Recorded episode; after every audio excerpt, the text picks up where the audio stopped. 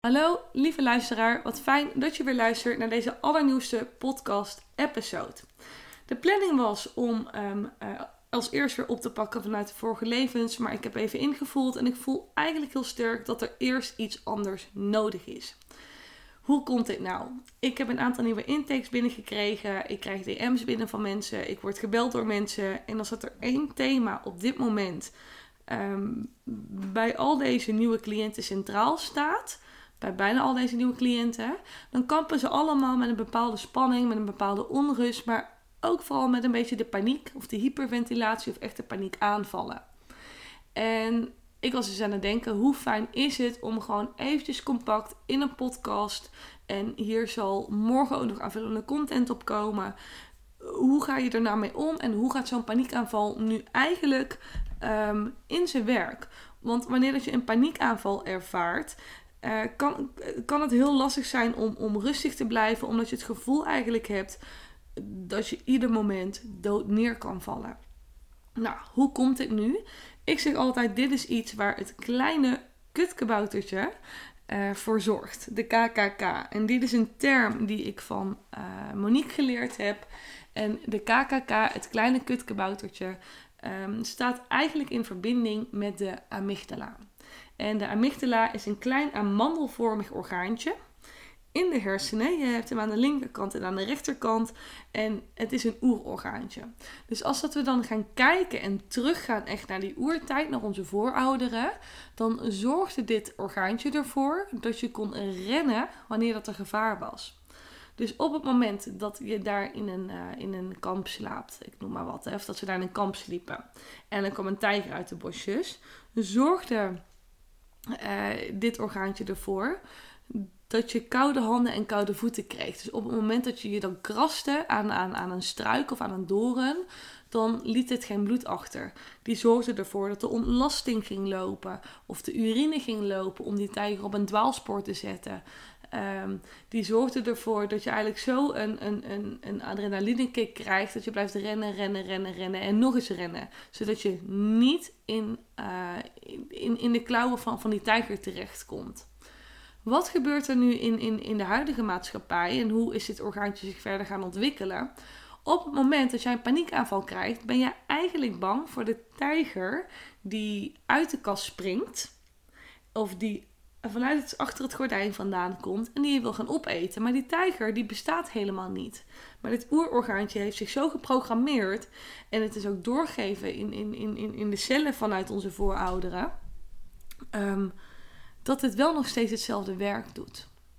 Nou, in de normaalste gevallen stel je nou eens voor dat je um, aan, het, aan, het, aan het autorijden bent of je bent aan het fietsen en in één keer moet je uitwijken voor een tegenligger of uitwijken voor een gevaar op de weg of moet je uitwijken voor een vrachtwagen die even uitzwenkt.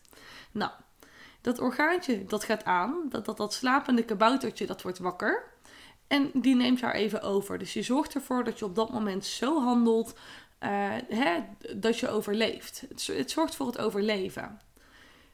Wanneer het gezond is en wanneer dat er geen disbalans in zit, dan gaat het ook weer gewoon rustig slapen daarna. Maar in sommige gevallen merk je, en ik merk het ook hier nu hè, bij, bij nieuwe cliënten in de praktijk, is dat die aanblijft, dat die wakker blijft. En het moment dat die wakker blijft, is het moment dat er een probleem gaat ontstaan. En daar komen, daar, daar komen de paniekaanvallen bij. Wanneer dat die wakker is, uh, kan je het, gevoel hebben van koude handen of voeten. Je kan het gevoel hebben van ademnood, uh, benauwd in of om de borst. Uh, wazig zien of een waas voor de ogen in ieder geval. Je, je, je, kan, je kan last hebben van opgeblazen gevoel in de buik, tintelingen in, in, in de handen of in de vingers, stijfheid rond, rond de mond. Het kan van alles zijn. Dus eigenlijk aan je lichaam kan je vaak al merken: hé, hey, er klopt iets niet. Blijft dit kaboutertje te lang wakker, dan kan, dan kan het je in zo'n benarde positie brengen dat het je op de duur zo ver drijft dat, dat je bijvoorbeeld zelfmoord of iets pleegt. En dat wil je natuurlijk niet hebben. Dus het, het, het kaboutertje kan je letterlijk de dood indrijven. Nou, wat is het allerbelangrijkste bij een paniekaanval? Dat is eten. Maakt niet uit waar je bent. Mocht je op dit moment met, met paniekaanvallen kampen, zorg ervoor dat je altijd iets te eten bij je hebt. Maar wat nog belangrijker is dan eten, is warmte. Want in jouw cellen zit nu stress, paniek, onrust, angsten. Uh, misschien zelfs wel angsten voor het ongrijpbare, wat alweer een trigger voor die paniek kan zijn. Alles wat koud is, triggert het. Op het moment dat je ijskoud water drinkt, kan het triggeren. Op het moment dat jij koolzuurhoudende koude dranken drinkt, of dranken met cafeïne erin, uh, zoals koffie of Red Bull of doe maar op, kan triggeren. Het beste wat je kan doen is gewoon lekker een theetje drinken. Want theetje is warm. Het is namelijk de bedoeling dat er in jouw cellen, waar dus nu die paniek en die angst en allemaal die dingen zitten, dat daar weer warmte, liefde en rust in komt. Nou, mocht die KKK, mocht dat kutkaboutertje nu aangewakkerd zijn, dan ga je 12 weken lang oefeningen meekrijgen, waardoor dat deze dus weer gaat slapen. Maar met die oefeningen ben je nog niet klaar. Het is dan natuurlijk ook de bedoeling dat je teruggaat naar, naar het moment waar, waar dat die aangegaan is. Dus dat je met regressie teruggaat en daar ook de trigger aanpakt, zodat die ook blijvend blijft slapen. Ehm, tijdens deze oefeningen, tijdens die 12 weken, merk je ook: oké, je mag niks kouds hebben, alleen maar kamertemperatuur of warm. Want het is gewoon belangrijk. En ik zeg dan ook altijd, want ik merk ook hier bij de cliënten in de praktijk: poh, zo lang. Ja, inderdaad, zo lang. Maar die 12 weken op heel dat prachtige leven wat je nog voor je hebt, is eigenlijk vrij weinig als dat je er gewoon op die manier naar zou kunnen en gaan mogen kijken. Stel je nou eens voor, je bent onderweg met de auto of met de fiets en je hebt een paniekaanval. Of je zit ergens in een ruimte en je krijgt een paniekaanval. Het allerbelangrijkste is, is de bewustwording ook van oké, de paniekaanval die is er weer. Het kaboutertje is weer getriggerd.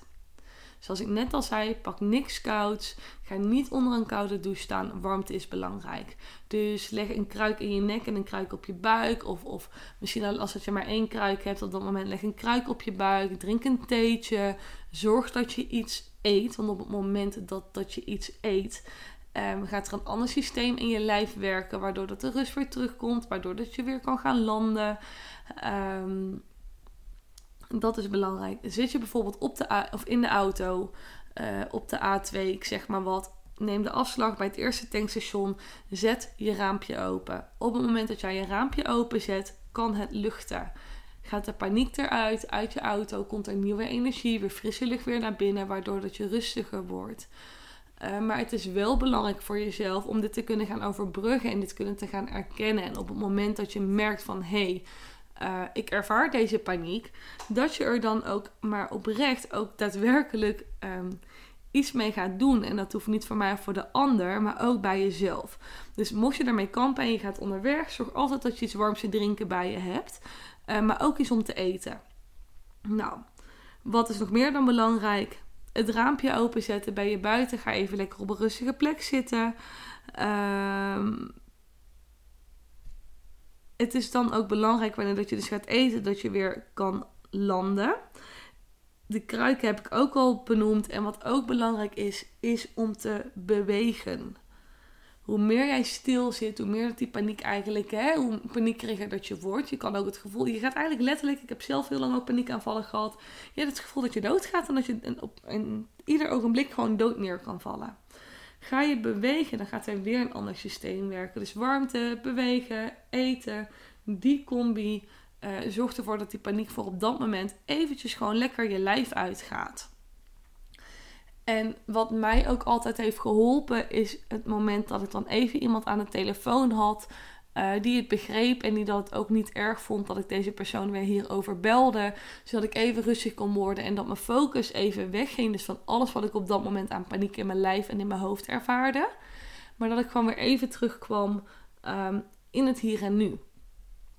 Het aller, maar dan ook echt het allerbelangrijkste.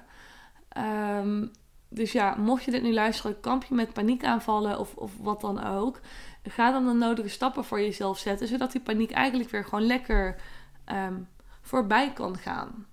Het is ook belangrijk, denk ik, voor jezelf om te weten, is dat die paniek, dat dat kaboutertje wat wakker wordt en niet meer wil gaan slapen, dat het altijd bezig gaat zijn. Dus wanneer dat je ook slecht slaapt s'nachts, kan het zijn dat het kaboutertje daarmee te maken heeft. En nu is het niet altijd, oké, ik slaap slecht, dus ik zal paniekaanvallen hebben. Nee, dat is niet het geval. Uh, maar het kan wel allemaal meewerken. Het kan ook een gevoel geven van dat je continu uh, alert moet zijn en continu op je hoede moet zijn. Dus in ieder geval voor die tijger die uit je kast komt gesprongen of die in één keer naast je in de auto zit. Uh, je bent continu alert op het, op het ongrijpbare, op iets wat dat er op dat moment niet is. Dus het is gewoon, denk ik, belangrijk dat je leert om dit voor jezelf te tackelen. Nou, die oefeningen die ik dan mijn cliënten dan hier ook meegeef, uh, dat zijn standaard oefeningen. Die heb ik ook allemaal geleerd bij Monique. Um, zorg er echt voor dat, dat het weggaat. En dat de paniek in ieder geval. Dat het kaboutertje gaat slapen en blijft slapen. Door ook weer de onderliggende triggers aan te pakken. En ik denk dat dat het aller, maar dan ook echt het allerbelangrijkste is. Um, heb je nou die paniekaanvallen? Het wordt gemeten met een KKK-meting. Dus het uh, kleine kutkaboutertje meting. Het blijft lekker om het lekker uit te mogen spreken. Um, en vanuit daaruit wordt er dan met een puntentelling gekeken. Nou, oké, okay, nou zit hij boven de 23 uit mijn hoofd. Dan, dan slaapt hij gewoon echt niet meer. En dan is het belangrijk om actie voor jezelf te gaan ondernemen. Dus het is ook daadwerkelijk echt een cadeautje voor jezelf om hiermee aan de slag te mogen gaan. Omdat je zo intens veel rust gaat brengen. Uh, waar je u tegen zegt. En dan, ga je, dan, dan word je ook weer helder. Je wordt helder in je hoofd, je wordt helder in je lijf. Uh, je gaat merken, hey, de paniek wordt minder. En wat wel altijd een mooi is bij deze oefeningen, en ik, ik merk het hier al bij cliënten terugkomen, is dat wanneer het beter gaat, dat ze denken, nou weet je, we, we kunnen alweer een beetje gaan cheaten of het gaan overslaan. Maar deze 12 weken zijn hetzelfde als een antibiotica-kuur. Als dat jij stopt met een antibiotica-kuur, uh, voordat die af is, komt het terug. En dat geldt ook met deze oefeningen. Je mag gewoon niet stoppen totdat die 12 weken voorbij zijn. En dat is die score weer onder een, een bepaald aantal zit. Dus dat je in ieder geval niet meer boven die, uh, die, de 18 zit. Hè? Want de 18 dat is ook wel een, een gradatie waar dat de kans zoveel, uh, zoveel procent is dat, dat die aanstaat. Of dat er een kleine kans is. Maar zorg dat je eronder komt te zitten. Nou, mocht je hier nou meer over willen weten, uh, mag je me altijd een berichtje sturen op Insta of per mail of een appje. Uh, zodat we hier gewoon even naar kunnen kijken en het hierover kunnen hebben. Maar neem deze tools mee voor als dat je in paniek bent. Wat um, mij op de uur ook eens gaan helpen, is dat uh, iedere keer wanneer ik dan weer de auto instapte, wat dus op een gegeven moment beter ging, is dat ik gewoon even rustig met mijn ogen dicht ging zitten en gewoon eventjes mijn lijf ging waarnemen. Van oké, wat gebeurt er nu in mijn lijf? Voelt het rustig? Ja, eigenlijk wel. Wat mij dus de bevestiging gaf dat er op dat moment niks aan de hand was. Want ik, ik had al een bodycheck gedaan bij mezelf, een bodyscan gedaan van oké, alles voelt rustig. Op het moment dat ik ergens een spanning voelde, was het ook oké, want die had ik dan al getackeld, want ik wist dat die er al zat. Alles wat er tijdens het rijden daarna er extra uh, bij kwam, kon ik dan ook gelijk tackelen en denken: yes, hier is de paniek weer actie ondernemen. En ik zorg dan dat ik altijd uh, het kamertemperatuur of, of hè, water in mijn, in mijn auto had liggen. Soms ging ik een theetje halen bij het tankstation als ik dit niet bij had. Uh, want ik ben best koppig, dus ik heb heel vaak gedacht... Oh ja, het zal wel. Maar dat was, de paniek dacht daar anders over. Uh, maar, en, maar, dat je even wel wat kan eten en weer eventjes kon landen. raampje open. En dat heeft me er eigenlijk altijd wel doorheen geholpen. Dus ik hoop met deze hele korte podcast-episode dat ik jou de nodige tips en tools heb kunnen meegeven die je zou kunnen inzetten. Uh, dit is niet alles, dat is ook gewoon niet te doen. En daar zitten ook gewoon therapeutische stukjes in. Um, die niet helemaal handig zijn om dit via een podcast te delen. Want het is niet alleen maar voor, voor zelfgebruik. Het is geen uh, huistuin keukenmiddeltje of hoe noemen ze dat. Nou, zoals ik al zei, mocht je er nieuwsgierig naar zijn, stuur me gewoon uh, en DM. En dit is dan ook gelijk de podcast-episode voor deze week. Volgende week hoor jullie maar weer terug met een nieuwe podcast-episode. En um, ja, tot dan. Doei doei!